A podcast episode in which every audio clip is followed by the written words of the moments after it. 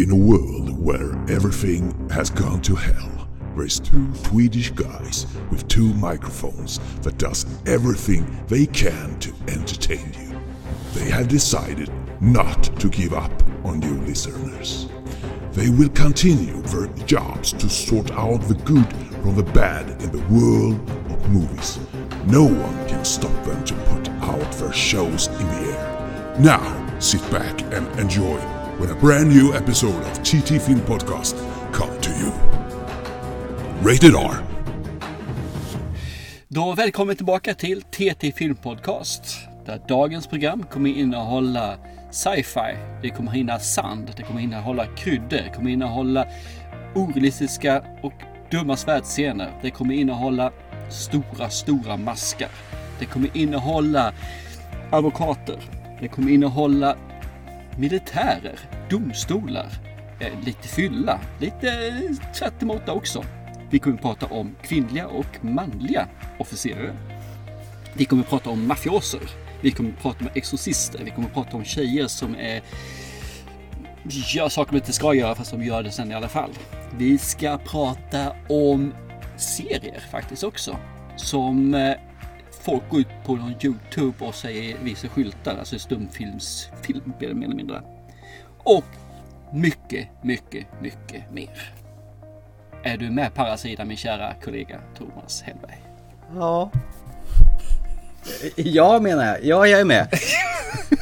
Det lät jätteosäkert det där. Ja, men jag är, så, Ja. jag är som vanligt helt bortkollrad och undrar om, om, om, om jag tillhör den här podden överhuvudtaget. För jag, jag hänger inte riktigt med. Jag glömde visserligen att vi ska prata om skådespelaren som är den godaste maträtten också. Vilken är det då? Det är Kevin Bacon. Ah, Kevin, the Big Bacon. Ja, trevligt. Ska vi börja med eh, lite off topic? För i veckan här som gick egentligen emellan så gjorde vi en liten off mic. En liten så här utmaning till oss till varandra. Vi pratade om saker vi hade sett och tyckte det här borde du sett. Ja men okej, ja, jag ser det här då sa jag om du ser den här. Ja, Och du gav ju mig en eh, serie, Clickbait. ja just det. Varsågod. Ja. Ja, ja, tack så mycket. Och jag gav ju dig, ja, vad gav jag dig för någonting? Det kommer jag inte ihåg. För jag har ju inte tittat på den. Eh, Okej, så, så du bara dissar mig alltså? Och Nej. Uppdraget, så uppdrag betyder alltså ingenting längre. Utan det är bara, jag kan göra som jag vill för jag är Thomas Hellberg. Nej, det är bara det att jag glömde bort det och så tittar jag på annat istället. Ja, men antingen, antingen är du dryg eller så har du Alzheimers. eh, kanske lite både och. Jag har dryg Alzheimers. ja, exakt. DA, dryg Alzheimers. Ja, men det är helt okej. Ja, men vad tråkigt, för du skulle egentligen se en, eh, ja, en lite annorlunda exorcist, exorcistfilm om den nu var det, vill säga. Jaha, var det därför du pratade om exorcism i introt? Jag fattar Yes. ingenting. Precis, Old Ways var det du skulle se på. Så du får se på den till nästa avsnitt får du se på Old Ways på Netflix. jag kan se den två gånger då, eh, för säkerhets skull. Så, Ja, absolut. En gång fram, länge så är baklänges. Ja, just det. Är det inte så eh, exorcism, att man talar baklänges? När man spelar Ja, en skiva baklänges. absolut. We are Satan's people. Ja då. Men då kan jag väl ta lite grann i alla fall om den här serien som du ville att jag skulle se. Jag har ju åtminstone gjort uppdraget då. Ja, Du, du är duktig! Det är du. Ja. Du är duktig. Jag, är, jag har varit en stygg pojke som har glömt bort vad jag skulle göra. Så jag tittade på annat istället. Fastän du är den enda personen som ska låta förnedrande när du ber om ursäkt. Ja, Och du gör det brutalt bra, det är det som är det bästa. Ja. Jag tar emot din eh, tack. elaka ursäkt. Ja.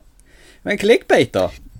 Clickbait. Serier, miniserier. Jag vet inte vad man kan kalla det miniserie egentligen. Fast det står miniserie fast det är åtta avsnitt. This is a message for Nick's kidnapper. He is a husband. a father, a brother. He's kind, loving, and gentle. I love you, son. You made a terrible mistake. Let him come home. It's a long way down to the bottom of the Why is this happening? Try to catch my breath. What was his mental state when you last saw him? What are you actually doing to find him? Everything we possibly can. I've been running for a long Everyone is chasing a Nick Brewer story. So what's your angle? If you don't find a missing person in the first 48 hours, the chances of finding them alive drops by 50%. There's a new video. It's worse. handlar om egentligen ja, en familj där det är lite, lite stridigheter mellan, men stridighet, lite, lite konstigt mellan eh, vissa parter där. Man säger systern till eh, Brorsan. Ja, systern till brorsans fru om man säger så. Där, där är det lite hårt och även systern och mamman, dottern och mamman då är också lite sådär. Eh, de är inte riktigt tillfreds med livet hur folk fungerar. Men rätt så tidigt i filmen, filmen i serien så försvinner brodern, eh, sonen eller mannen i eh, serien då och det dyker upp en liten, ser, en liten filmsnipp snipp då ute på som det står liksom han sitter där lite slagen i ansiktet visar upp en skylt I abuse women och sen lägger han ner skylten och skriver den här filmen kommer upp till 5 miljoner tittningar så kommer jag dö. Bara på Youtube då eller något sånt där va? Ja, någonting liknande Youtube, men sen var inte Youtube för de fick säkert inte använda Youtube för det här tror jag kan jag tänka mig. Så de, de har ett annat namn på det. Mm. Och det är ju det här tar, tar fart egentligen. Leta rätt på vad heter brorsan eller mannen eller sonen. Jag kanske inte ihåg vad han heter faktiskt ska jag erkänna. Även förövaren då ju. Och det som var kul när man såg första avsnittet var ju att det, så fort det började introt och sen när det tog vidare, man säger så serien börjar, avsnitt började. Så står det då systern. Så varje avsnitt har ett namn. Så det blir systern, det blir hustrun och det blir några andra sådana här som eh, dyker upp. Reporten, polisen. Ja. Ja, du behöver inte säga mer än så faktiskt. För de har lite grann med avsnitt att göra. Jag, jag, har liksom, jag såg ett avsnitt. Jaha, du, du, du är inte igenom alltså? Nej, nej, nej. Fast jag har ju... du, du gav det bara för några dagar sedan, det är åtta avsnitt. Ja, men nej, det, alltså det, det handlar om så här. Att ja. jag såg ett avsnitt, så det, och tyckte att det här verkar intressant. Så jag sa så här, det här ska jag se tillsammans med min flickvän. Mm. Så då fick jag vänta in henne. Så jag började se det här i fredags igen och då såg vi om avsnitt ett igen. Ja, ah, du har sett systern nu... gånger två alltså med andra ord. Ja, precis. Mm. Exakt, tvillingsystern. Mm. Och vi har sett fram till avsnitt fyra har vi gjort faktiskt. Så vi har hunnit med det nu i helgen. Ja, okej. Okay. Ja, vad tycker du så här långt då? Om man säger så här att det är ganska nervkittlande det här med när man ser antalet visningar gå upp. Man följer det här. Och sen slutar det med en cliffhanger första avsnittet. Andra avsnittet tar vi mer eller mindre när första slutar. Mm. Och man känner yes, okej okay, det är bra. Men helt plötsligt så pang så faller liksom. Jag känner bara hur ska de dra det här vidare? Någonting mer måste hända. Någonting till. Så det inte bara blir liksom ska vi leta efter en eh, kidnappad person och en kidnappare. Bla bla bla. Det, det kändes lite så här. Men det tar en annan sväng. Mm. Så långt vi har kommit nu. Och det är mm. fortfarande så lever, film, eller lever serien. Mm. Den är jävligt intressant, den har lite nervkittlande och jag har den här lilla Vad händer sen-känslan. Mm. Eh, jag vet hur det slutar. Ska, det är så här. Berätta då, så ska jag köra upp en träpåle någonstans så solen inte skiner på det. Nej, det tänker jag inte göra. Jag såg den här faktiskt häromveckan när jag var hemma och var sjuk och låg under en filt i soffan och tyckte synd om mig själv och insåg att när den här var färdig, fan det här hade varit en nice serie att se tillsammans med min sambo. För, och jag mm. undrat om hon lyckas klura ut det hela. För att hon är jävligt vass på sånt faktiskt. Det skulle du nog gjort tror jag faktiskt. För jag ångrar inte att jag satt med, med katta som sagt var. Så att vi kunde titta på den. För det, det, det är kul. Jag får nog offra mig och se den här en vända till med henne för att se hennes reaktion faktiskt. Inser jag. Nära på, nära på, det tycker mm, jag. Mm. Sen kanske det inte blir samma sak om man ser det en gång till. Nej med, men det är sant, för då när man vet hur det går så är det inte riktigt samma sak faktiskt. Man kan inte föra riktigt den, den dialogen som man gör när man sitter och ser ett avsnitt och sen diskuterar avsnitt efteråt.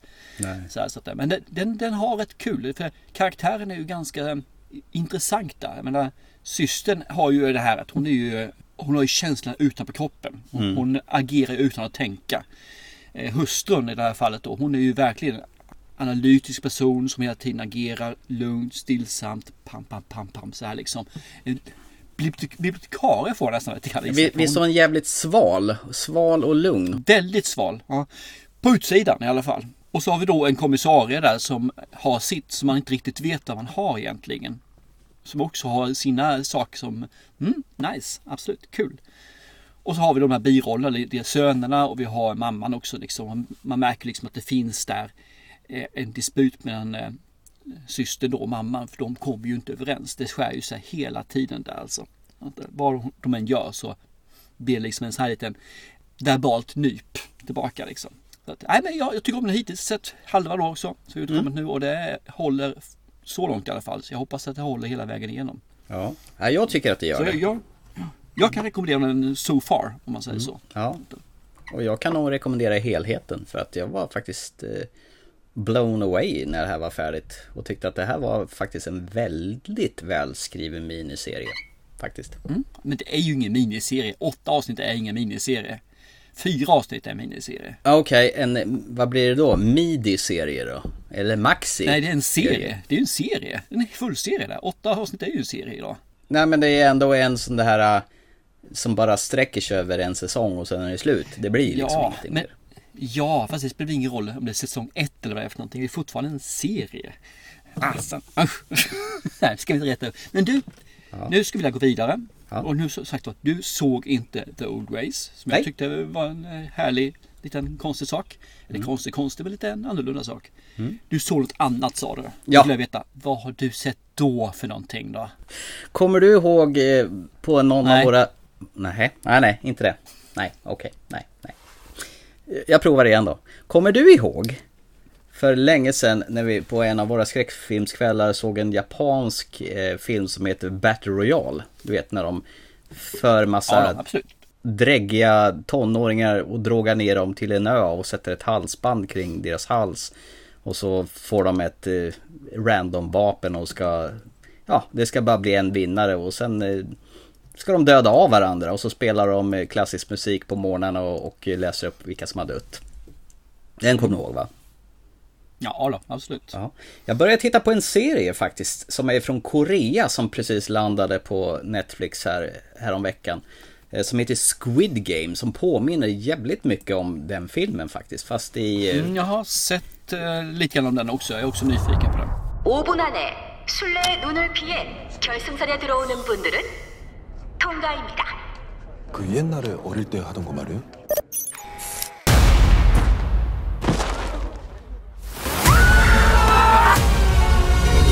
이건 게임일 뿐입니다.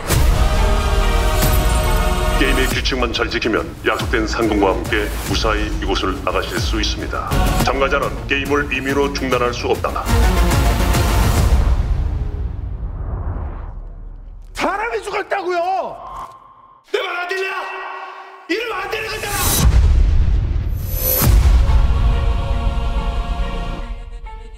Och det handlar ju om hundratals eh, människor som ligger på ruinens brant när det gäller ekonomin. De är belånade och de gör allt för att liksom... Eh, de, de är skuldsatta till max. Och ja, en del är jagade av maffian, en del har gjort dåliga affärer. Och, och varje den här personen blir uppvaktad av en herre med en eh, väska och säger att vill du spela ett spel med mig? Det är bara för att få en liten teaser. där att de har ett blått kuvert och ett eh, rött kuvert och så ska de slänga det där i backen på det ena kuvertet. och Om det lyckas vända sig så vinner den här eh, personen massa pengar. Om den inte gör det så får den här killen med eh, väskan slå den andra i ansiktet. Och det här är egentligen bara en teaser för att se hur desperata de här personerna är. Och vi får följa en misslyckad pappa då som eh, skilt sig från sin fru och har en, en dotter som man eh, knappt kan gratulera när hon fyller år och så vidare. Men han blir inlockad i det här spelet och hamnar tillsammans. Han är, blir spelare nummer 456. Det är så många som de tar in i det här spelet. De blir neddrogade och när de vaknar upp i en stor sal så får de gå ut och eh, eh tävla i såna här barnlekar eh, från förr. Alltså det första tävlingen är typ rött ljus, grönt ljus. Att det står någon längst fram och eh, vänder sig om och sen när de vänder sig tillbaka då ska alla försöka ta sig över en plan och när den här vänder sig om så ska man ju stå helt still. Annars är man ju ute om man rör på sig. Du vet, den, Mm. den heter väl kanske något annat i, här i Sverige. Men rött ljus, grönt ljus heter den där i alla fall. Det är bara det att den, den som rör sig, han, den blir eliminerad. Så det blir pang! Så det smattrar bort folk på väldigt blodiga, kladdiga vis. Och så ska de genomgå sex stycken olika tävlingar under den här tiden då. Och längs vägen så blir det en jädra massa grejer som händer. Och det här var angenämt. Det kast, jag blev totalt kastad tillbaka till eh, Battle Royale, den filmen. Och det här är ungefär som den filmen fast i utdragen eh, serieformat. Och det är precis lika härligt som Battle Royale var. Eh, Min sambo kom okej, förbi okej. och tittade och undrade vad var det för jävla sjuka grejer jag kikar på. För det är väldigt så här extremt, mycket färgglatt och de här som jobbar med det här de, de visar inte sina ansikten utan de har nästan så här, så här Playstation-knappar i ansiktet. Du vet fyrkanten, ringen och trekanten och sådana här saker. Lika som i Battle Royale spelar de klassisk musik där innan det är dags att gå ut på den här arenan och göra de här barnlekarna. Men som får ett dödligt resultat om du inte sköter dig. Eh, fantastiskt underhållande och väldigt blodigt och klafsigt. Precis right up my alley. Så- det här kan jag rekommendera till alla blodtörstiga personer där ute som gillar eh, koreansk och japanskt slafs. Ja, men det, det ligger på listan för mig att se. Så jag har lagt den på med min att se-lista där. Ja, The Squid Game heter den. Så var den du såg istället. Ja, det gjorde jag. Har, har du sett hela? Jag har sett eh, tre av nio avsnitt och jag kan säga så här, jag fastnade redan efter Men du, om du sett tre av nio avsnitt då hade du helt klart haft tid att se en film däremellan. Ja, det hade vi kunnat gjort. Men jag gjorde inte det. Gäller att prioritera här i världen.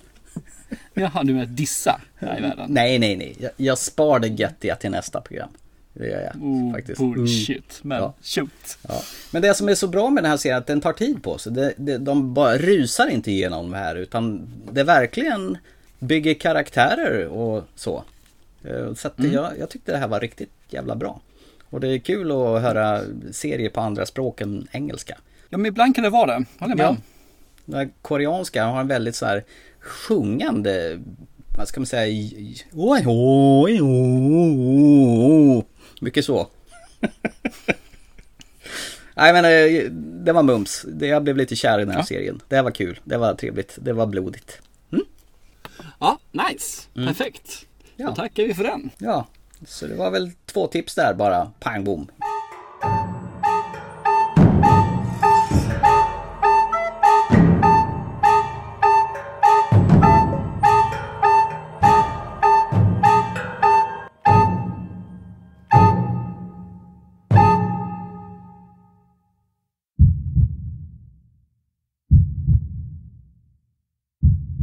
Ska vi hoppa in på första filmen för kvällen som vi har i våran riktiga agenda?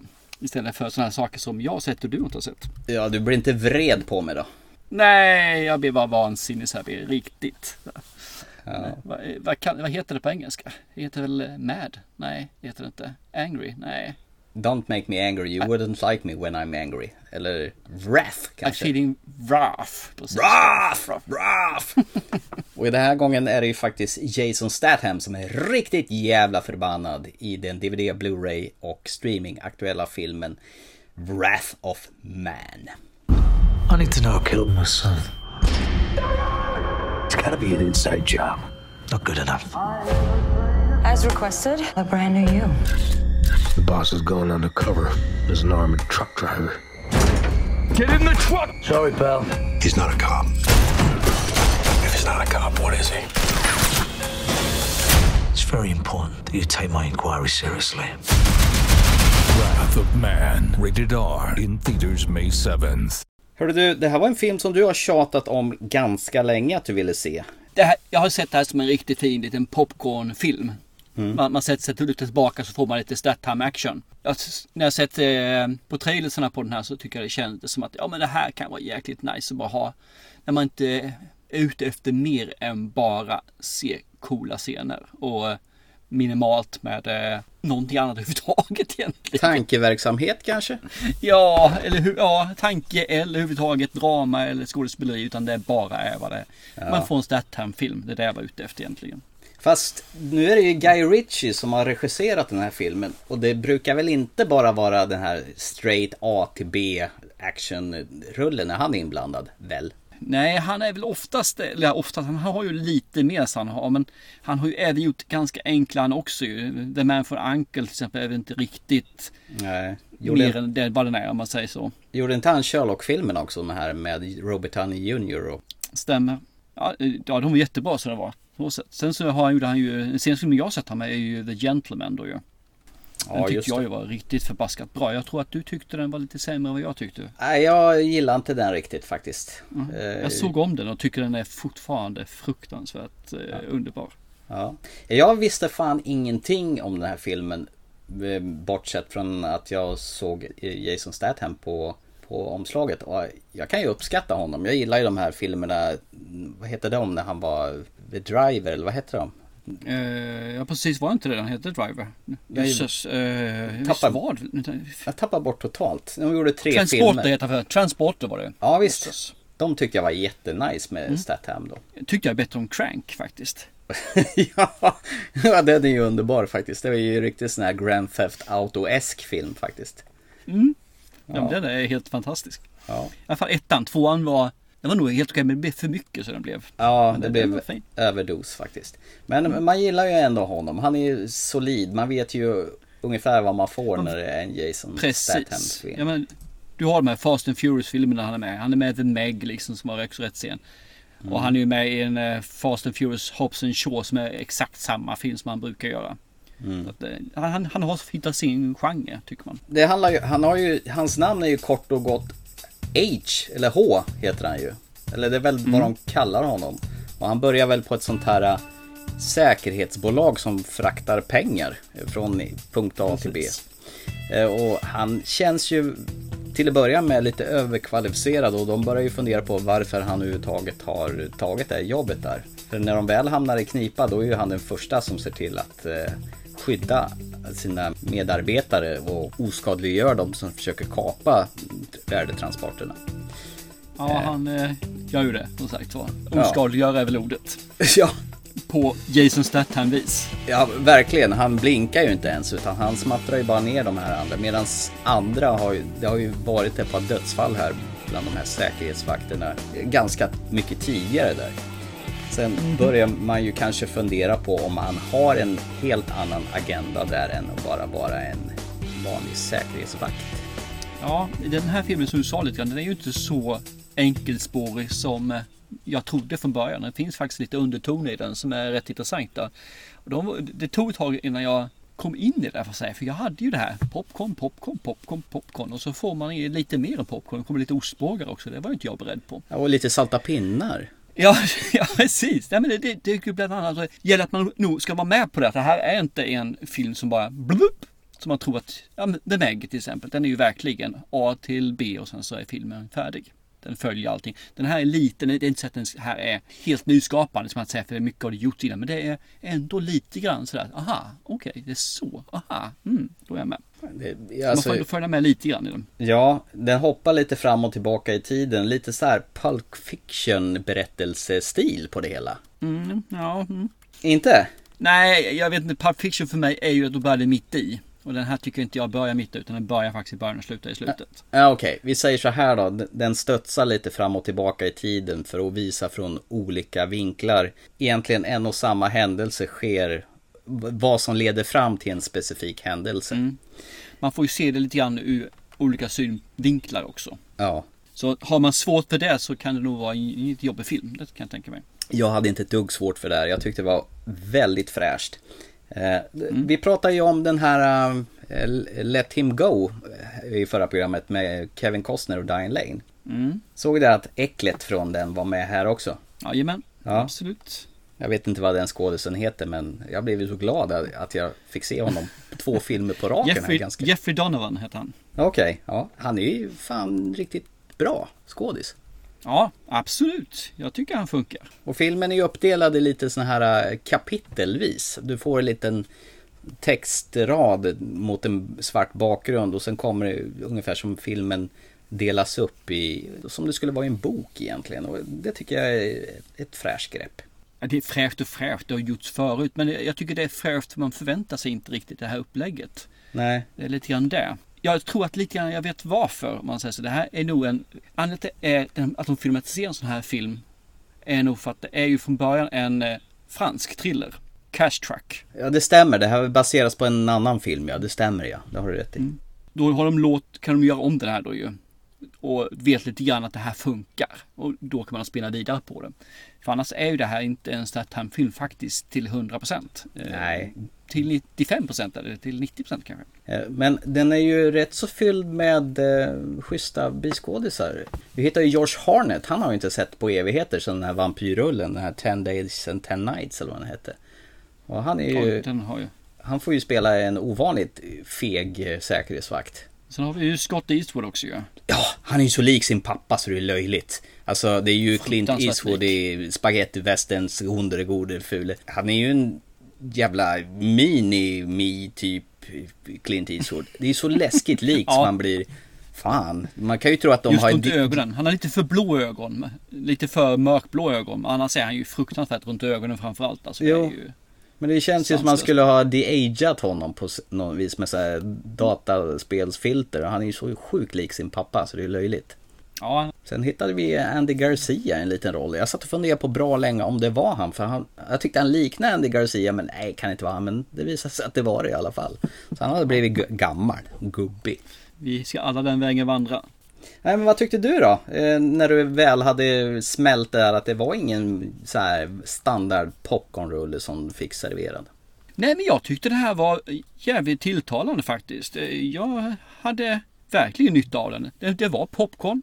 Absolut, inget mer med det. Men den fanns lite mer. Och jag tyckte det var jävligt stimulerande att se faktiskt att han är med i sån här typ av film också. Som är lite mer än bara nu ska jag panga. Även om hans karaktär är ju väldigt mycket att det är ju våld. Mm. Men jag, jag, tycker, jag tycker ändå om själva stuket på filmen. Det, det är gott. Jag, eh, man fick fundera lite grann. Man fick eh, tänka till lite grann. och Man fick verkligen vara med. Man kände att man kunde inte bara luta sig tillbaka och sitta och köta halva filmen. För då skulle man inte fattat någonting. Så nej, men jag, jag hade verkligen nytta av den. Det, det var kul. Jag, alla som tycker om action och gärna vill ha lite grann till kommer ju tycka om den här filmen. Det tror jag. Ja, jag håller med. Det var ett smart grepp, bra action, finurlig. Även fast man egentligen i grund och botten fattar hur allting ska gå så det här var underhållande till max. Ja, I loved it! Jag det här var faktiskt en av de bättre actionfilmer jag har sett på bra länge. Och Guy Ritchie, han, han, han har öga för sånt där märker jag. Ja, men han har gjort en hel del filmer som är bra så att det, det, han kan det här. Jag ska inte säga att det här blir en av eh, årets bästa filmer om man säger så, men det är fasen ta med en bra action sådär alltså. Som Mm. är lite mer än det här vanliga formal A1. Ja, nej men jag tycker liksom, tycker man om action, vill man ha lite mer än bara det här vanliga IQ-befriade actionet så är det här filmen som fungerar väldigt bra. Vill du ha det IQ-befriade så kan man faktiskt ta det också. Men tycker du om action och tycker du om Statham så kommer du absolut att få precis det du är ute efter. Med lite extra. Med lite extra, lite extra. Kul! Ja men det var ju skoj att vi tyckte båda två att eh, en actionfilm helt plötsligt var trevlig att se. Ja, jag hade faktiskt inte så jäkla high hopes till den här men eh, du ville ju se den där och det är väl klart att jag följer ju med och kammar med hårs och så. Och så blev jag positivt överraskad. Det är ju fantastiskt kul när det blir sådär. Jo men kom igen, det var jag som valde filmen, det är klart det blir bra. Jag menar inte om varje film, det blir bra. Ja, det var, den här gången var det ju så i alla fall. Den här gången. Ja, Jösses. Och andra gånger också kanske, ibland.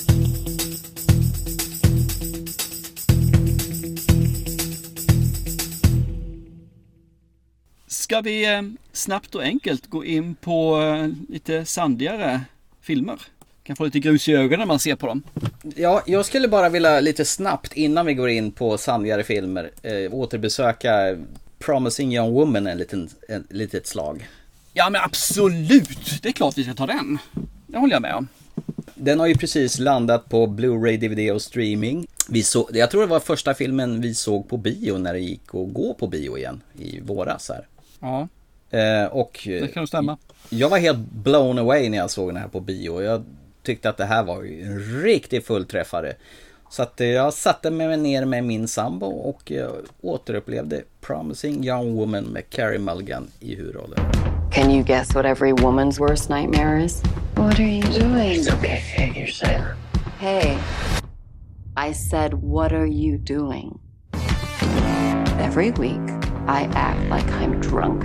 And every week, a nice guy comes over to see if I'm okay. We get accusations like this all the time. You remember why I dropped out. I'm not the only one that didn't believe it. Well, the doctor's here.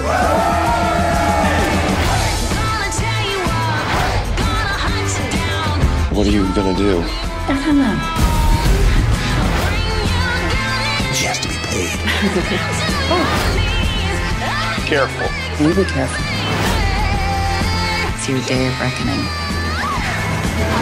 you down to your knees. I am a nice guy. Are you? Tittar du på den med din sambo också? Tanken var att jag skulle se den med min son faktiskt. Okej. Men han hade annat för sig. Jaha. Så att jag såg den själv. Det är lite synd faktiskt. Jag hade gärna delat den här med min son eller min sambo om man säger så. Men det fanns inte riktigt intresse. Nej, jag tänkte ju så här i och med att det här är ju kvinnan som slår tillbaka mot eh, elaka män ju. Li- lite kort snabbt så är det ju Carey Mulligan spelar ju Cassie. Hon går ju ut på kvällarna och låtsas att hon är skitfull.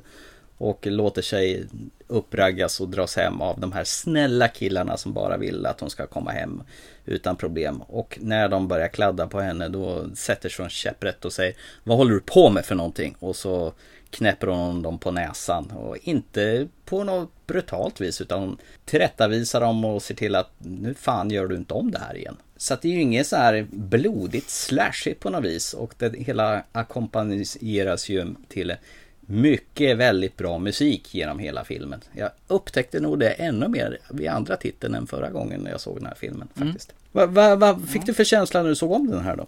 Jag vet att när jag såg den här så tyckte jag den var jättebra. Men jag tyckte att det var ett för snäll öppning. Jag hade ju väntat mig lite mer från öppningen. Att det skulle vara lite mer eh, Slafs, slafs. action. Lite mer, ja, lite mer sådär alltså. Lite elakare. Lite Mm. mer eh, rött. Med det här köret. Och sen så tyckte jag att Mm. när det hade gått en bit in i filmen så växte ju filmen. Jag tycker faktiskt den här eh, romantiska eh, romcom-delen är jävligt gullig. När jag såg Mm. den första gången. Jag tyckte det. Mm. Sista slutet sen så är det ju riktigt nice. Helt klart. Det är ett Mm. bra slut i det här köret.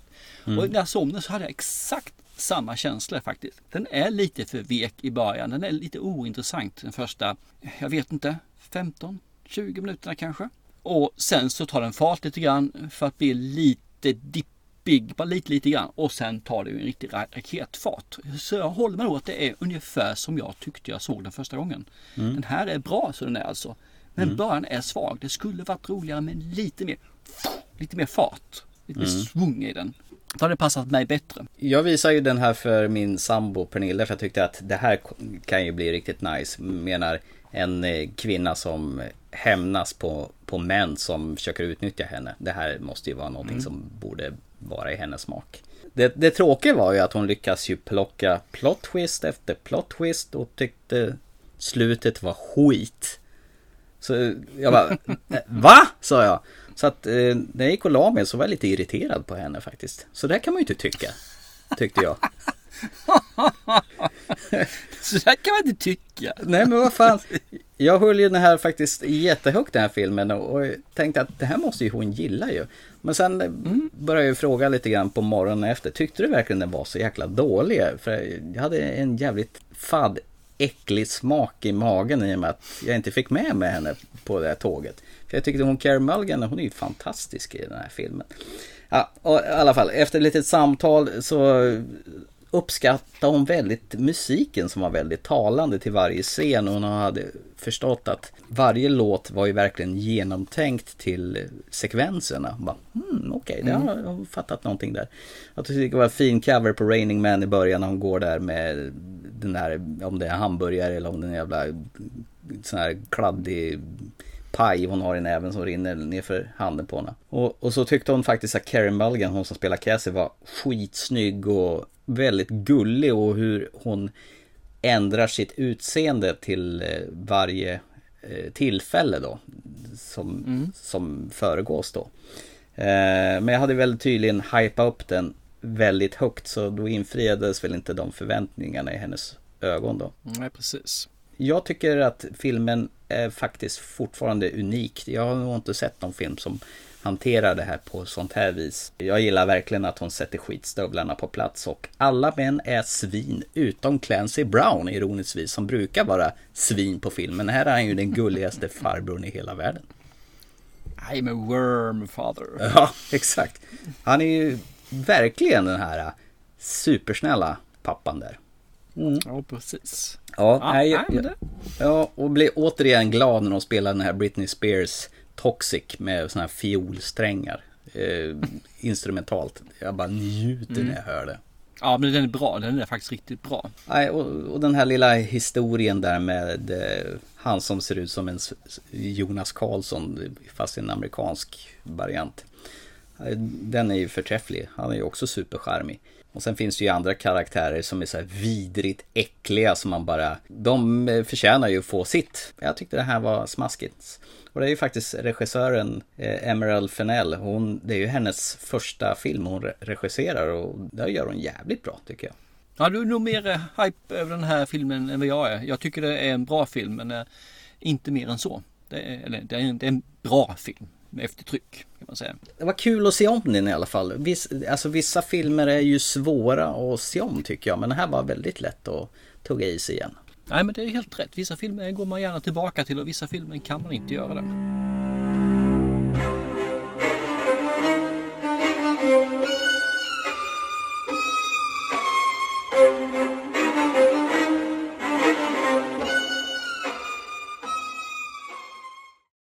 Kan vi komma in på det när vi pratar om eh, nästa regissör i nästa film.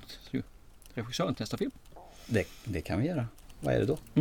Då ska vi prata lite sand, lite kryddor, Ja. lite sci-fi, lite storsvulstig film och eh, när Denis Villeneuve ska göra sin älskade fantastiska film som han har velat göra under hela sitt liv. Det vill säga Dune. You inherit too much power. Something none of your ancestors learned. I must not fear. Fear is the mind killer. My father rules an entire planet. He's losing it. This is an extermination. Kill him. There's a crusade coming. They're picking my family off one by one. Let's fight like demons.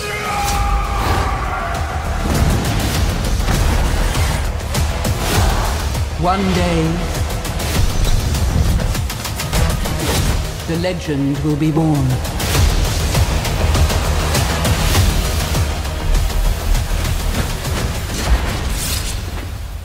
An animal caught in a trap will gnaw off its own leg to escape. What will you do? Where the fear is gone, only I will remain. Det var faktiskt en film som han ville göra innan han gjorde Arrival och innan han gjorde eh, Blade Runner 2049. Men han valde att eh, göra de andra filmerna först. Så han kunde bekanta sig lite mer i science fiction-miljön innan han satte tänderna i det här.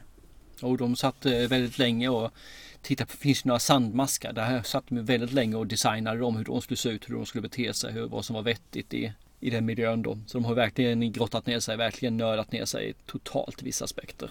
Det räcker väl att titta på Tremors-filmerna så vet man ju hur sandmaskar ska se ut. Ja, men det var ingen ökenmask där ju. Alltså, de ser inte alls likadana ut. Det, det har du ju faktiskt rätt i. Det här var en film som eh, var, har blivit framskjuten nästan ett helt år och Dennis Villeneuve var väl ganska irriterad över att Warner skulle släppa den här på HBO Max samtidigt som på bio. För han menar ju på att ni kommer ju ta ihjäl biofilmer. Det här är en film som, som ska upplevas på så stor duk du bara kan se. Helst på IMAX är väl tanken där. Den här filmen har jag lite svårt att eh, förklara vad den handlar om så du får jättegärna ta i den. Storyn är inte jättesvår egentligen. Vi får möta en värld. Egentligen så är det ju här en sci-fi. Det är ju nästan, det här är ju, om den här filmen hade gjorts när den skulle göras så hade det här blivit Star Wars. Mm. Och Star Wars hade inte blivit någonting. Så det här är egentligen samma sak. Du har samma miljö.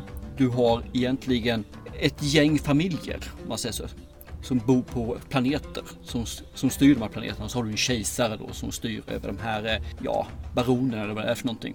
Och vi får ju framförallt följa två stycken familjer i, eh, i den här i första delen kan jag säga med en gång. För det ska komma en tvåa då, som sagt var sen. Och vad för mig så heter de väl Atreides och vad hette de andra just nu? Föl- Följer bort. Kommer du ihåg vad de andra hette för någonting? Eh, nej, jag är ledsen. Nej, det är i alla fall två familjer får man följa. De, har, de här andra har fått styra över en planet där det finns något de kallar kryddor. En krydda som gör att de kan färdas eh, interstellärt mellan planeter och dylikt. Det andra är då ett väldigt gammal familj som är inflytelserik som har byggt upp sin makt genom att egentligen köra politik. Och de här, blir då- de här som har haft hand om kryddorna avkastade planeten och de här som är starka politiskt, de det handlar om de som ska vara de snälla då. De får ta över den här planeten och ska då fortsätta anrikningen av spices. Och så har man då intrigerna. Så man, man kan nästan säga att det här är ju Star Wars möter Game of Thrones. Ja, det tänkte jag också. Det här med de här olika husen och, eller planeterna. Mm. Det var ju väldigt så här Game of Thrones-aktigt där. Och, Yes. Sen kan man ju bara fortsätta ursäkta mig för avbryten. Men vi har ju då vissa personer. Vi har ju egentligen han det handlar om en Paul som är ju han. Man får ganska snabbt för sig att han är ju en person som kan bli mer än vad han är idag. Eh, typ the one. Så. Ja, men han är ju, han är ju Luke Skywalker kan vi säga då. vi det var ju så. första jag också tänkte på. Men eh, jag tror nog som du säger att Star Wars har nog tagit väldigt mycket inspiration från Dune. Ja men det, det, det, så är det. De har Ja. som, i alla fall vissa, om det är några av filmerna, någon av filmerna som de har tagit mer eller mindre och gjort Dune-kopia på. Ish, får man ju säga. Ja, Jag vill bara lägga till att det, det finns den delen också för du så har då flera, den här killen han, han verkar ju ha några typ av krafter, han drömmer om en tjej som han hela tiden ser då på den här Arachnes eller vad det heter för någonting, planeten de ska till, de här kryddorna. Mm. Han ser andra saker som han vet kommer att hända eller han tror kommer att hända. Så han tror att han kan påverka. Så att han har väl det här seendet verkar det som då i filmen. Också. Nej, mer så vill jag inte säga egentligen för då är det lätt att jag ger bort filmen. Jag, jag, när jag trodde att jag skulle se den så trodde jag skulle bli mer en en young adult-film än det faktiskt var. Den Mm. är ganska lite mörkare än normalt sett får man säga som en young adult. Jag, jag reagerar också på det här, det här med att han har ju krafter och så vidare. I, i, i Star Wars heter det The Force, här heter det ju The Voice istället. Ja, bland annat. Det är ju inte bara det men det är ju en del av det. Det är det. Det, det går ju att dra väldigt fina paralleller och man, man förstår ju nu vad mycket George Lucas har snott egentligen. När man väl ser den här. Mhm. För den här är ju skriven av någon eh, gubbe som heter Frank Herbert redan 1965. Och jag tror han har skrivit Mm. totalt sett om det är fyra eller fem böcker om de här Dune-grejerna. Så att Tre går det... trodde jag det var. Nej, Jag tror det är ännu fler faktiskt. Ja, det, fin- det finns nog om Dune, om, om man ser den här världen. Men just den här som filmen är, tror jag är tre böcker, en trilogi. Ja, okej. Och så finns det säkert, han har fortsatt med något annat då, eh, Sisterhood och sådana saker kan det ja. Till dags datum så, det står ju faktiskt det första som händer när filmen börjar. Eller då hör man Sen kommer Dune Part 1 står det. Mhm. Och då vet alla att det är Hans Zimmer som gjort när det gör på det viset. Ja, våran älskade Hans Zimmer som brukar jobba med Christopher Nolan. Men eh, verkar tycka det inte är helt fel att jobba med Dennis Villeneuve också faktiskt. Nej, han tackade nej till Tenet för att han skulle göra Dune istället. Så han sa till, han sa till Christer Novalas, ta och soppa upp någonting så att jag ska göra det här istället. Så, eh, du kan ta din jävla Tenet-film i arslet så, får, så kommer Ludvig Göransson in istället och eh, visade var skåpet skulle stå. Precis. Mm. Vi såg den här filmen på bio. Ja. Vilket jag nog tror är bra att man gör. Jag har vissa reservationer på den, det ska jag säga sen. Eh, man ska hamna i rätt biograf kanske. Ja. Men eh, jag tror ju stor, stor skärm på den här är rätt. Har du möjlighet att gå och se den på IMAX så ska du göra det. För jag tror det kommer tillföra fruktansvärt mycket. Filmen är ju storslagen hur han har filmat den. Mm. Den, den är jävligt vacker. Den är ju Ja, Blade Runner vacker om vi säger så. Ja, jag kände det också att han har överfört mycket från Arrival och eh, Blade Runner 2049 till Dune. Man känner igen sig. Ja, i, I sättet han presenterar hur han gör det, ja absolut. Det är ungefär som att varje sekvens ska vara som ett konstverk nästan. Lite grann så är det, eh, helt klart. Och är- han lyckas jättebra för det är en vacker film. Och jag tycker storyn det här är ju ingen unik story, det har ju gjorts så mycket som helst. Men 1965 så var säkert det här en unik story. Men inte längre. Men idag, nej idag har det gjorts 13 på dussinet. Men det spelar ingen roll för den blev vacker filmen. Mitt problem som jag vill komma tillbaka till, det var att vi såg den på bio. Mm. Och den biografen, eller den salongen som vi var vid, så tror jag, hoppas jag, och nu håller jag tummar här, att ljudet var så jävla crappy. Det var nästan så jag fick migrän när jag satt där inne och han körde på sina trumpetstötar och han körde på annat och det gnisslade och gnarrade och det var högt som fan. Och sen sänkte de precis när de skulle prata och sen höjde de igen och sen sänkte de och jag bara kände bara är det en film jag ser på eller ska jag gå på konsert? Ja. Du menar att det var dålig ljudmix på den eller? Jag hoppas att den salongen var skitdåligt inställd ljudmässigt. Mm. Och att när jag ser den hemma sen på en lite mindre skärm om man säger så. Men förhoppningsvis ett förbaskat mycket bättre ljud. Så kommer jag tycka den här filmen blir ännu bättre än vad jag tycker idag. För det, det förstörde jättemycket ur det. Ja, fy. fy.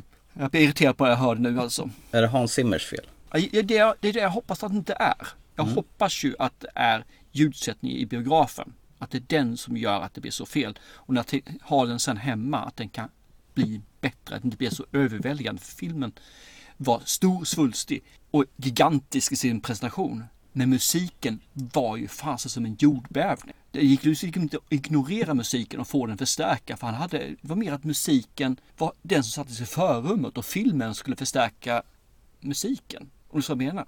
Det var liksom inte en film med musik utan det var musik med film. Musiken tar gärna, över. Den ska ju vara en del Ja. och förstärka berättelsen. Inte vara den som är dominerar. Och jag håller med om att det var det den gjorde. Den har ju sånt där egyptiskt tema med mycket sån här, eller vad ska man säga? Eh, Arabiskt tema. Arabiskt tema, eh, precis. Mellanöster-tema med mycket sån här Mm. Kvinnliga körer och det här. Det ska låta, ja Mellanöstern helt enkelt. Ja men det hade helt klart, om du hade halverat styrkan på så hade det varit bättre, mycket bättre. Och det är därför jag hoppas att eh, biografen, jag hoppas verkligen, när jag ser om den här filmen den kommer på, ja, jag kan se den på streaming eller kommer på skiva så ska ska jag se om den så hoppas jag att jag kommer gå tillbaka och säga att "Pff, klockrent, nu, nu vart det mycket, mycket bättre. Mm. Den är ju proppad med kända eh, face den här filmen. Du har ju Ti- Timothy Chalamet som, som spelar Paul Mm. Atreides, han som är Luke Skywalker fnutt fnutt. Och hans mamma är Rebecca Ferguson. Och sen har du Oscar Isaac som också har varit med i Star Wars. Eller eh, den här eh, robotfilmen som vi, både du och jag gillar, Ex Machina. Eh, Jason Momoa som spelar någon, som en sån här rebellisk pilot. Duncan, Idaho, jävla konstigt namn. Ja, jag förstår, jag förstår inte Idaho, var fan kom Idaho ifrån? Jorden liksom, kom igen. Kunde de inte döpt han till Duncan eh, Swatzlava? Eller McLeod kanske. Ja, McLeod hade fungerat också. Duncan McLeod. Och Stellan Skarsgård har jättefatsuit och spelar någon jättehemsk baron Vladimir Nu, Harkonnen. nu kommer jag. Harkonnen heter andra familjen ju. Ja. Harkonnen för fasen. Just Nu- Nu det. sa jag Stellan Skarsgård kom jag på det. Och sen har du ju skurken från eh, Avengers är ju med, Josh Brolin. s- Som Mm. spelar han som knäpper med fingrarna och, och tar bort hela halva världen. Eh, Famous är ju med. Och så har vi ju Javier Bardem också. Han känner jag inte överhuvudtaget igen, för jag hörde, kände igen han på rösten där. Eh, och så Mm. har vi Dave Bautista. Men någon som jag tyckte var för jävla bra i den här filmen, det var Charlotte Rampling. Hon som kommer in som eh, Mother Gaze. Hon som har det här svarta eh, sorgnätet framför sig som låter Hon som är urmoden till den här, om vi säger magin då. fnuttigt. Precis, som låter Paul göra ett specifikt test där som var väldigt dramatiskt. Mm. Det är ju en hel hög med eh, fina skådespelare och hon Zendaya som de har marknadsfört så inåt helvete. Hon fick inte mycket plats alls i den här filmen, men kanske kommer mer i Nej, hon kommer nog sen kan jag tänka mig. Nu när filmen har fått smälta då sådär med eh, alla dessa gigantiska vyer och storslagenhet Jag och ska sådär. villigt erkänna, när jag gick ifrån så hade jag rätt så många punkter där jag eh, slog ner på filmen. Mm. Eh, nu när jag har satt mig lite grann här så har jag ju då gjort, kan ju först och främst säga, jag är ingenjör i botten. Jag tycker om teknik, jag tycker om alla de här sakerna, jag tycker det ska finnas en viss logik. Jag fick ju ta självmord på den personen när jag analyserade den här filmen. För det, det går liksom inte. För de går, de går så långt utanför hur saker och ting fungerar ibland. Så det är bara att så jag, jag satt liksom munkavel på den delar av min personlighet, kastar ner i källaren, låser dörren, la på en stor tjock träbom och så ljudisolerade jag alltihopa. Och sen gick jag vidare och analyserade film, filmen efter det, vad jag tycker om den. Jag tycker om filmen. Ta bort det här förbaskade ljudet, musiken. Gör om det förbannade slutet på filmen. Så är den här filmen riktigt jävla bra. Ursäkta kraftuttrycket där, men den är suveränt bra. Jag tycker om hur den är filmad. Jag tycker om världen. är helt sagolik bra. Alltså jag blev så tagen av världen så jag tog och köpte boken nu för att läsa den. Oj! För jag, jag vill tillbaka till den världen så jag vill. Saken är att det blir rätt lätt, sent och sidor kom ju att det här var ju part one. Det kom Mm. ju rätt så sent innan de skulle releasa den. Så det ska finnas en del två och det är därför som jag slutet är så öppet. Det är liksom, och det, det fungerar om man gör så öppet slut som han gjort i den här filmen. Om film nummer två kommer ganska tätt inpå. Men nu är ju filmen två är ju inte ens skriven. Det finns inget manus till film två. Så den kommer ju tidigast 2024 kan jag tänka mig. Och då är det för lång tid emellan. Så nu satt jag med och ska läsa boken istället. För jag är så nyfiken. Jag vill tillbaka till den här världen.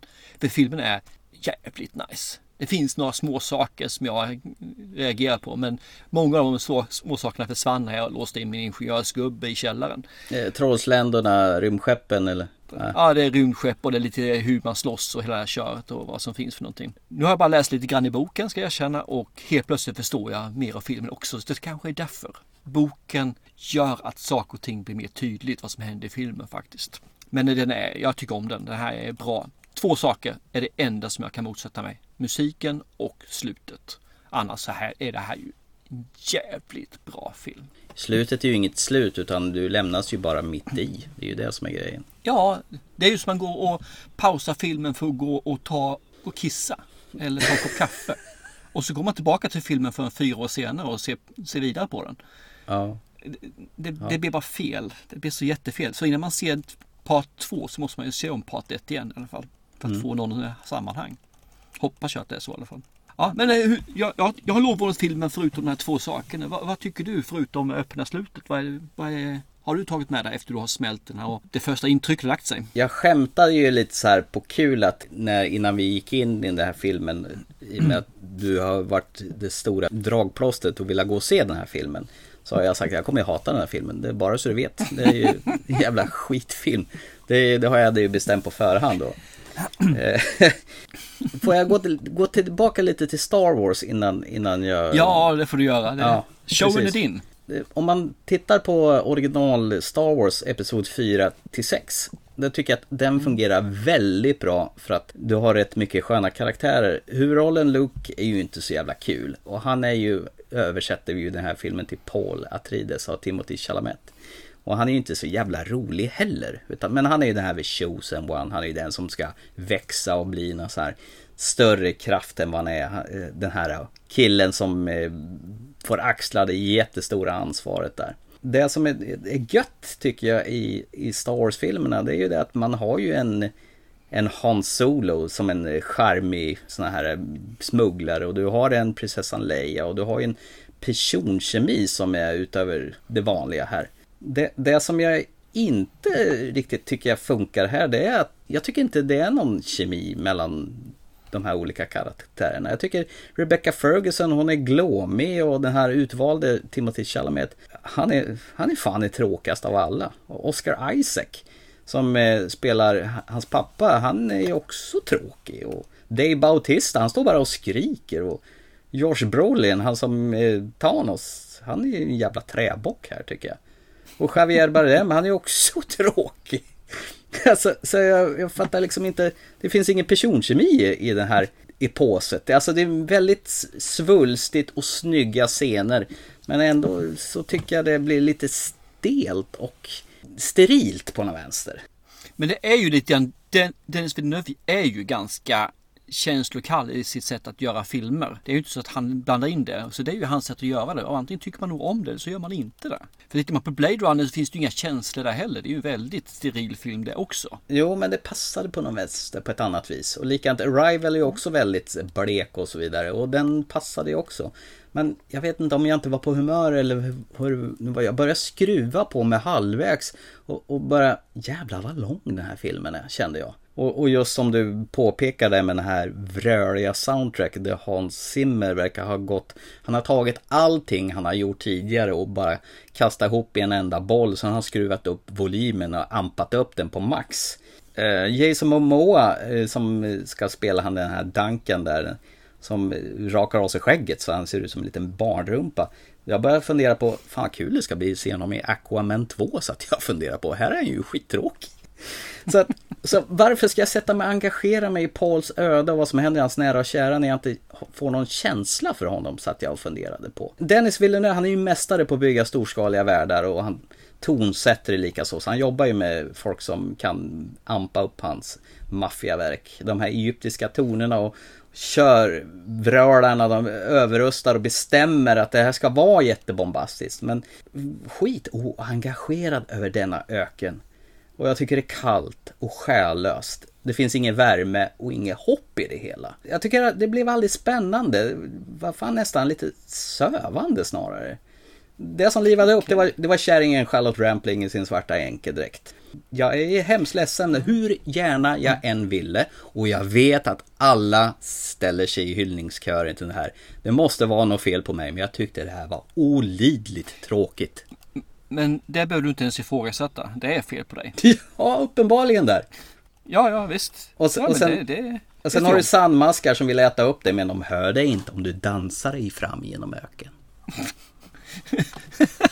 Hur fasen vad du ställer till det på små petitesser. Ja, det är väl okay, fan inga ja, petitesser liksom. Om du hör det så fort du rör det och sen om du sveper Nej, med benet på något jävla konstigt Jag tror inte du var med i filmen där faktiskt för att säga. För de, de angav ju att de inte de reagerade på rytmiskt ljud. Ja. Och de hade ju ett sätt att gå som inte var rytmiskt utan det efterliknade ljudet som fanns i öknen. Ja men det är helt logiskt. Så är det ju förstås. Men eh, tala om för mig varför alla tog hyllar den här filmen. Jag gick ju skämsamt in att jag inte skulle gilla den här och det gjorde jag ju inte heller. Hur gärna jag än ville så tyckte jag inte om den. Ja, jag säger det fortfarande. Den är, det är en vacker film. Jag, sen säger jag vilt erkänna att jag är ju en person som tycker om fantasy. För det här är ingen sci-fi, det här är en fantasy enligt mig. För det finns magi i den. Då, då är det en fantasy för mig tycker jag. Jag tycker om Villeneuves sätt att bygga upp världen. För jag, jag, jag fastnade i världen. Sen som du säger att du hade ingen som helst sympati och kände liksom inte att det fungerar med de här karaktärerna.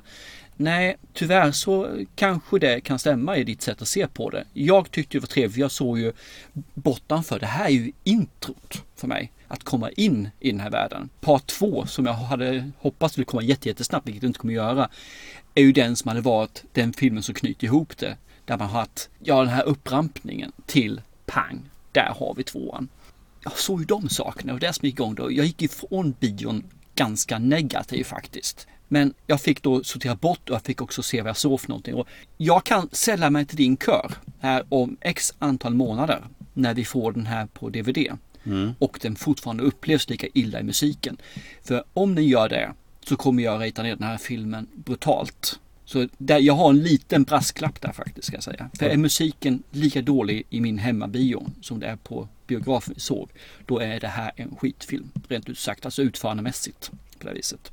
För då är det för stor del som eh, förstör filmen så det kan inte bli bra. Ja, nej men jag kan bara summera att jag, filmen faller på att jag tyckte det var tråkiga, oengagerade människor som var med i den här filmen. Som jag inte känner någonting för det fanns ingen värme i skådespelet utan allting var bara så här, oh, he's the chosen one och det var Stellan Skarsgård var i sig kul som var lite så här äh, ärkeskurk förstås. Men, äh, ah. Och jag såg politiken och all den här traditionen istället, istället för att det var kallt. För politik är kallt, det är liksom inget som livar upp. Så det är nog helt och hållet vilket synvinkel man har på det. Det, det, var väl han som Men... vattnade palmer också.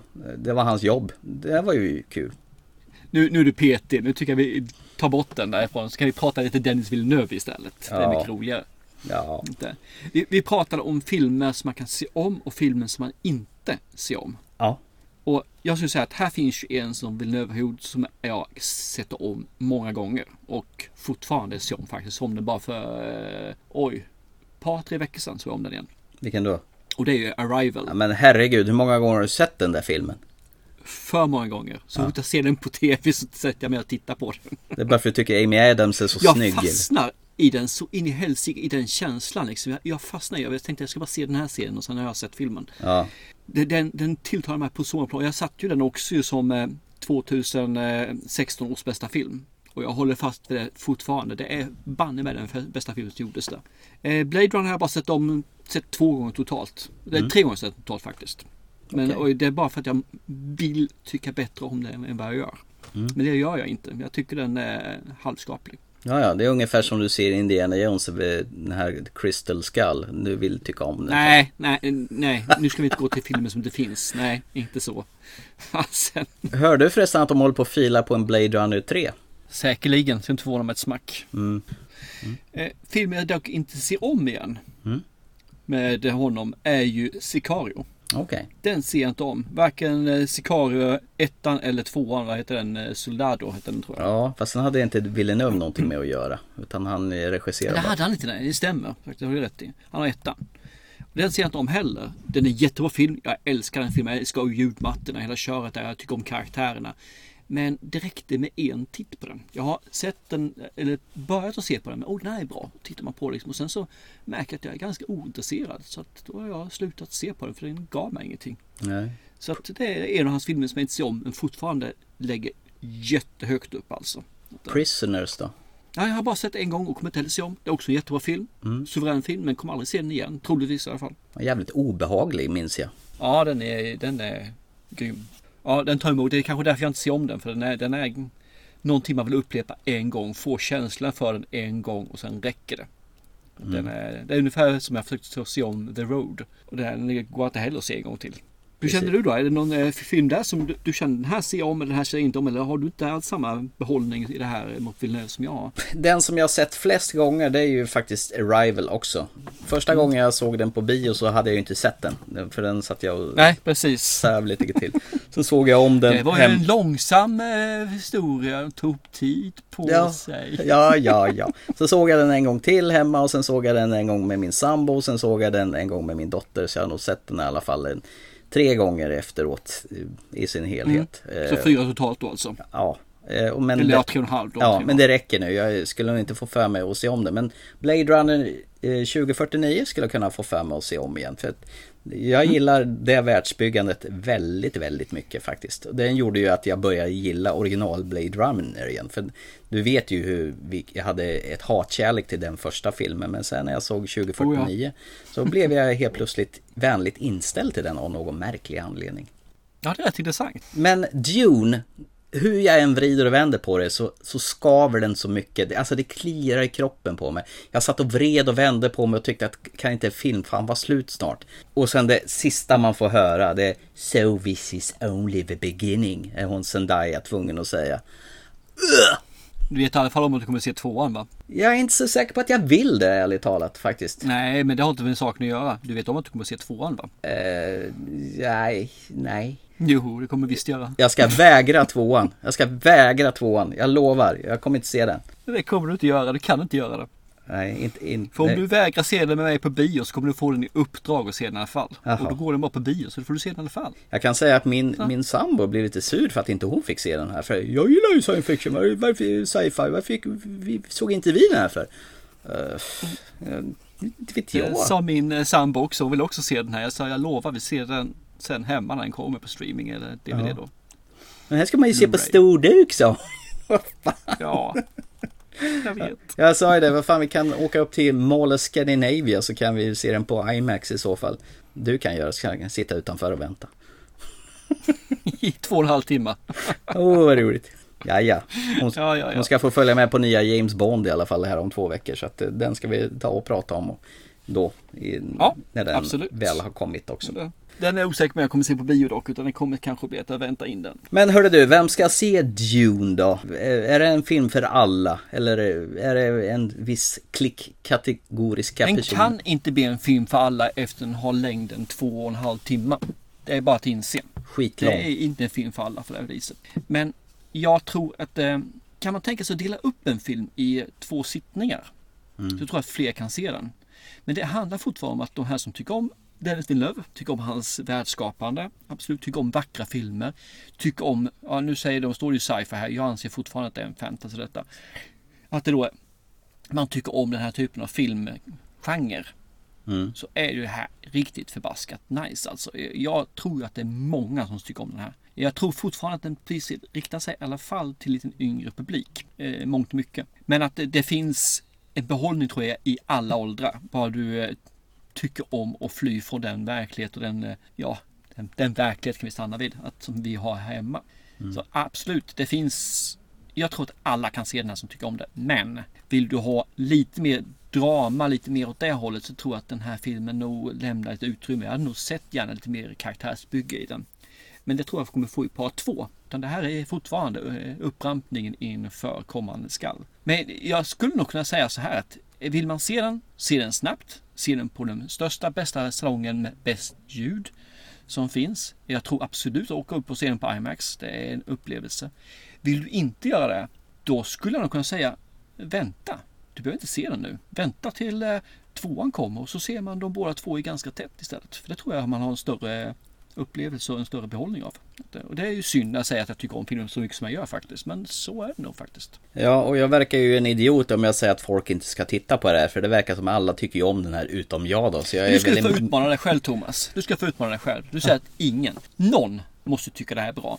Så om du gräver ner lite grann och säger att ingen ska se på det. Finns det någon som skulle tycka det här var bra? Och inget dumhet nu att det ska vara en dum, eh, blind, döv person. Utan verkligen, finns det en klientell som kan tycka om det? Om du ut, inte utgår från dig själv. Utan Alla som gillar fantasy och ja, alla som gillar Star Wars gillar nog det här också skulle jag tro. Men jag gjorde det inte. Inte de Star Wars? Ja. Då, då, då kan de ju få... rätt faktiskt. Då, då kan de få veta var Star Wars kommer ifrån egentligen. Med sandmaskar och grejer. För de har ju snott fan det också i Star Wars. Fast det är ju ett stort jävla hål istället som de kastar ner folk i. Ja, ja, ja precis, så har de den här meteoriten också, asteroiden. Så där finns någon sån här eh, stor snigel-liknande sak som sover också.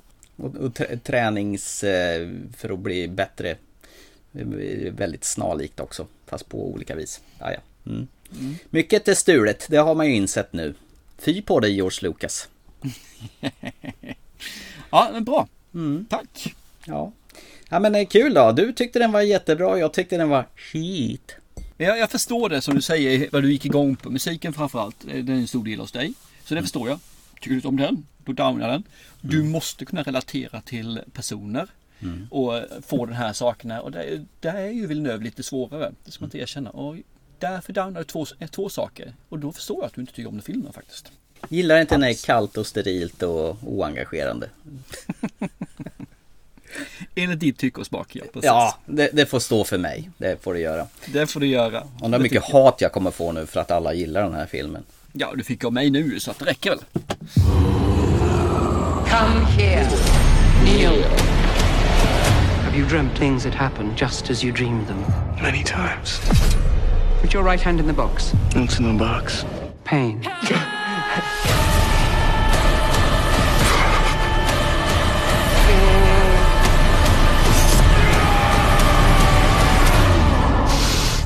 Goodbye, young human.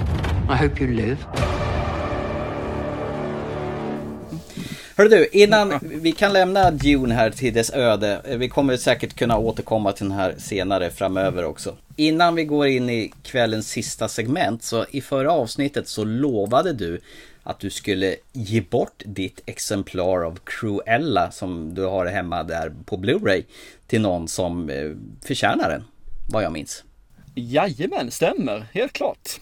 Och vi fick ju några stycken som ville ha den faktiskt och kunde lätt säga vad de ville ha för jycke. Ja, mailkorgen eh, svämmade över med folk som ville ha den här filmen. Och det förstår man ju, Emma Stone är ju Emma Stone. och grymt nog så får inte alla som vill Cruella de Vil den här filmen utan det är bara en som kan få den. Precis. Och jag tänkte som så här, det är en person som vill vara en labrador. Och motiveringen är att det är en rejäl hund som älskar sin familj samt är glad för att eh, glad för hundbädden och matskålen. Och sen som är som man säger, det enda som skiljer mellan honom och labradoren egentligen som är idag det är att han inte går på alla fyra. Och det är då Ola Stare som ska få en Cruella-film skickad till sig här alldeles, alldeles, alldeles strax. Så tack så mycket Ola och grattis! Film kommer på posten så fort våra kära brevbärare vill bära ut den. Åh, Postnord. Go, you go. ja, men, äh, grattis till dig Ola. Eh, Film kommer. Och då går vi då in. Jag lovar på heder och samvete att det här är sista punkten i programmet ikväll. Är du säker på det? Kan du ge mig ett ett hedersord på det? Jag vill ha sanningen nu alltså. Du, du kan inte hantera sanningen. Jag klarar inte av mer. Vi ska prata, vi ska göra återtiteln, eller vad heter det? Filmer från förr som vi nu ser med äldre ögon. Och den här gången har vi kommit till filmen från 1992 med Tom Cruise, med Demi Moore och Jack Nicholsons film som man gjorde på endast 10 dagar och fick hela 5 miljoner dollar för 10 dagars jobb. Ah, inte riktigt sant. Han gjorde faktiskt en, en tilläggsdag där också som han tog betalt för. Den jobbar han gratis. Ja, precis.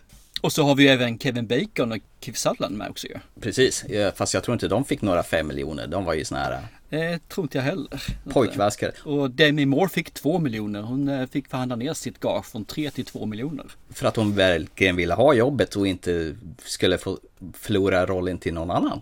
Den här filmen måste ha haft den filmen som säger Sir mest gånger i en film. Sir? Så då är frågan, hur många gånger sa de Sir i den här filmen? En gissning från din sida. Eh, 137 gånger. Vi kan ju säga att filmen är ju då eh, nästan eh, 2.20. Mm. Nej, den sa den faktiskt 164 gånger sa de. Det var inte så jävla långt ifrån ändå då. Nej, det var du vet så det var. Och det är liksom då en var 50 sekund. Jag tycker det är rätt så eh, bra gjort. Men A Few Good Men sa du. Det heter den egentligen ju på engelska. Originaltitel. Inte den svenska översättningen som eh, blev lite töntig faktiskt. You ever served in an infantry unit, son? No, sir. Ever served in a forward area? No, sir. Ever put your life in another man's hands, asked him to put his life in yours? No, sir. We follow orders, son. We follow orders or people die. It's that simple. Are we clear? Yes, sir. Are we clear? Crystal. All those having business with this General Court Martial, stand forward and you shall be heard. The facts of the case are these. On midnight of September 6th, the accused entered the barracks room of their platoon mate. They woke him up, tied his arms and legs with tape, and forced a rag into his throat. A few minutes later, a chemical reaction caused his lungs to begin bleeding. He drowned in his own blood and was pronounced dead at 37 minutes past midnight. You think Santiago was murdered? Private Santiago is dead, and that is a tragedy. But he is dead because he had no code. He is dead because he had no honor.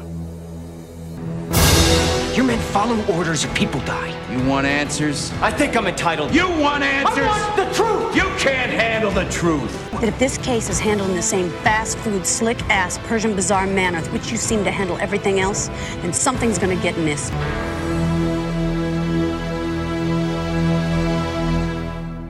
Det är väl egentligen en rättegångstriller det här. Eh, Det är ju han, vad heter han som har skrivit den där? Han gjorde ju Aaron Sorkins, han gjorde ju, skrev ju en, även den här uh, The Trial of Chicago 7 som, du, som du gillade Mm. jättemycket. Ja, den var ju suveränt bra. Ja, han verkar ju ha någonting för det här med rättegångsdrama det här. Och i det här fallet så är det ju två stycken eh, militärer på Guantanamo-basen då som har blivit anklagade över att ha sett till att en av deras eh, medsoldater har, blivit, har dött under märkliga omständigheter. Att de är orsaken till att han har dött. Att de stoppade en trasa i truten på honom och skulle läxa upp honom efter att ha blivit beordrade en så kallad kod röd. Det är egentligen en sån här tillrättavisningsgrej. Ja, det är en kutym som finns på Guantanamo Bay-basen som egentligen inte i någon lagbok används utan gör det för att läxa upp sådana som inte sköter sig ordentligt helt enkelt. Har ni sett Full Metal Jacket så finns det en sån med där. Också, Gör det det? Där med marinsoldaterna. Ja då. De håller ner honom så tar alla en handduk med en tvål och så rappar man den över ryggen på personen. Där var eh, det kodröd i det här fallet. Och här skickar de in eh, Lieutenant Daniel Caffey. Han är en sån här eh, Navy-advokat. eh, Som egentligen inte har sett insidan av en rättegångs... Vad heter det? Courtroom? Vad heter det? Rättegångssal. Rättegångssal överhuvudtaget.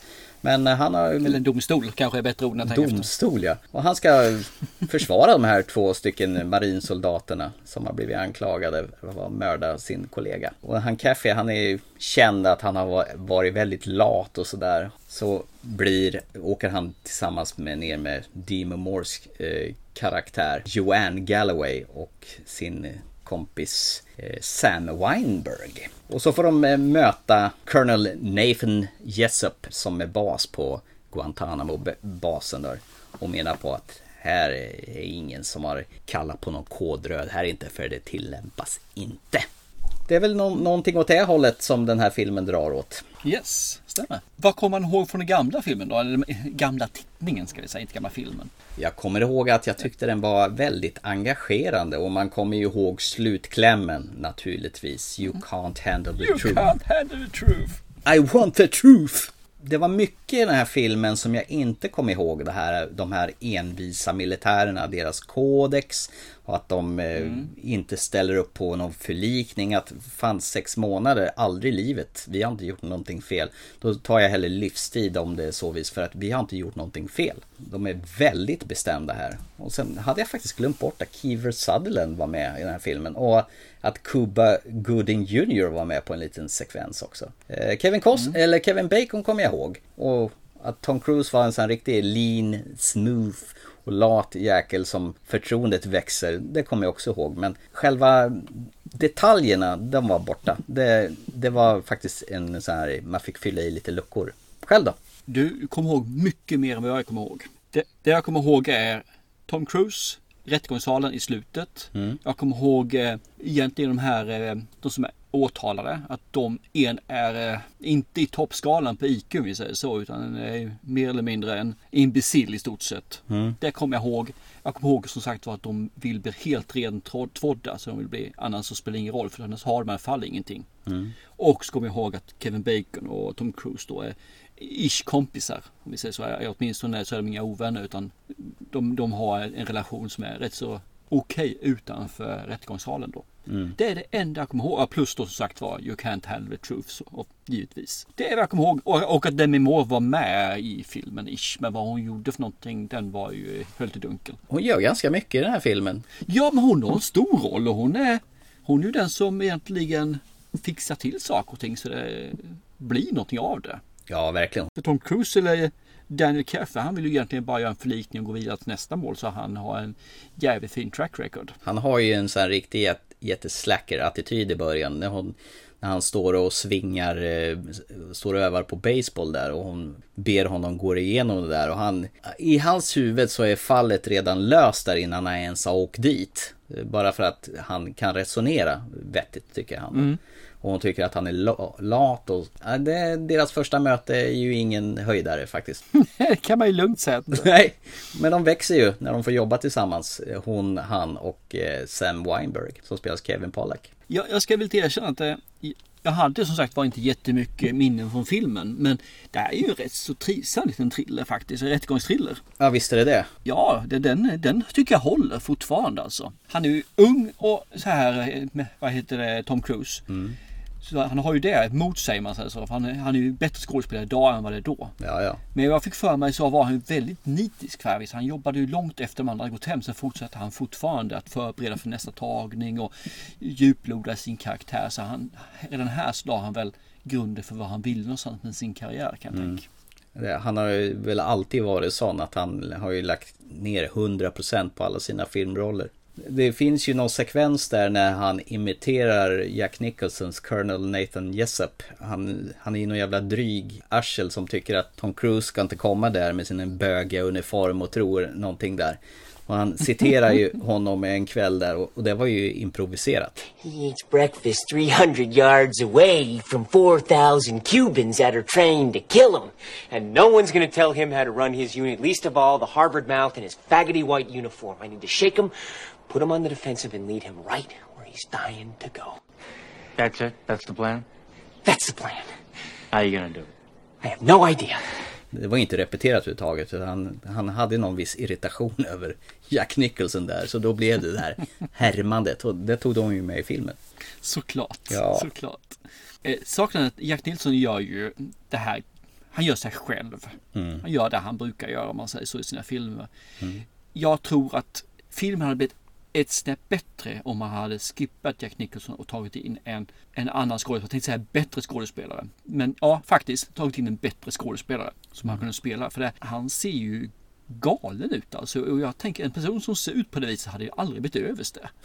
Alltså, alltså, det är ju ingen som kan lämna eh, makt i händerna på en sån som man tror kan skära halsen av en bara man blundar två sekunder för länge. Mm. Speciellt när han drar sitt brandtal där på slutet där när han menar på att vi måste stå här uppe på muren och ni kan inte vara Mm. utan oss. Och när han har blivit lite provocerad då är det verkligen Jack Lite. Nicholson i galenskap. Ja, det blir lite för mycket känner jag. Alltså det, det, det, det är inte så att det förstör filmen, inte alls. Jag säger bara att den kunde blivit lite bättre. Däremot tycker jag Demi Moore gör... Hon har ju en tjejroll från 92. Mm. Man ska inte säga något annat än så. Mm. Men hon visar faktiskt upp att hon har skådespelartalangen. Sen har hon ju gjort väldigt lite efter det också. Jag tycker det är lite synd för jag tycker om henne som skådespelare faktiskt. Ja. Hon har ett utseende som är tilltalande.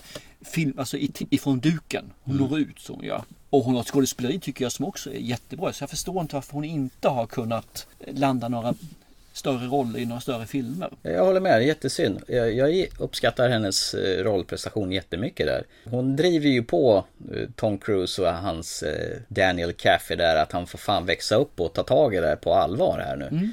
Ja, för hon visar ju upp det för att som kvinna så måste jag ju göra dubbelt så mycket som män. Hon säger det rent ut men hon visar ju för att jag ska komma någonstans så måste jag jobba arslet av mig. Mm. För annars tas ju inte jag på allvar. Nej. Alltså måste hon hela tiden vara driven. Och det finns ju en sån dialog i filmen också. Varför är du alltid så här? Varför hatar du alltid det här? Mm. Då förstår man liksom, hon gör ju det för hon vill ju kämpa på mannens villkor. I det här fallet om 92 så var man tvungen att jobba häckknasen för du märktes inte annars. Då Mm. var du bara en som skulle stanna hemma sen och skaffa dig man. Och lite barn kanske. Det är lite intressant att man har både Kevin Bacon, Kiefer Sutherland och Tom Cruise i samma film faktiskt.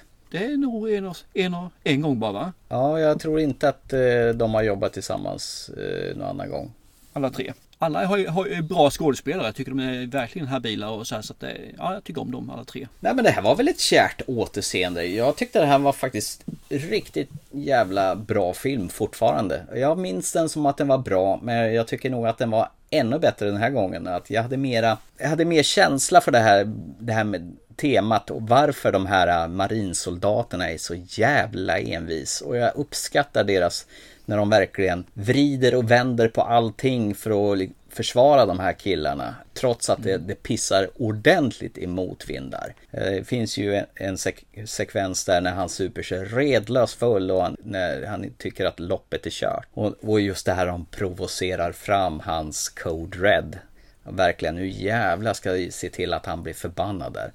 Och när han tror att han är i underläge då har han ett extra S i rockärmen där. När han springer in i garderoben och inser att oj, kläder. Nej, så tycker jag om slutet och jag tycker om slutslutet. Faktiskt. Ja. Den här slutet var, som hände med soldaterna är ju riktigt jäkla nice alltså. Mm. Det, det, ibland kan man vinna, ibland kan man vinna fast man inte vill vinna. Det var ju helt, helt rätt. Det är toppen. Nej, den här är, jag tycker också den här är riktigt bra. Är, men jag, jag skulle vilja erkänna, för mig var det nog mer som en första titt eller en ny titt. Jag hade bara lite, lite bilder och en, en känsla av vad jag tyckte om filmen. Mm. Från förr. Men det, den var väldigt, väldigt vag. Så att för mig blev det nog mer som en första titt faktiskt ska jag erkänna. Så det blev lite fel i den här genren. Men eh, jättebra film. Fruktansvärt bra film. Den är värd att se tycker jag. Har du sett den innan, se om den. Har du inte sett den så har ni missat någonting och kan se den nu. Trots att det är då en 20 år gammal film. Ja, 30 år gammal film i stort sett. Eller? Ja, och uppskattar man det här så då lär man uppskatta The Trial of Chicago 7 också.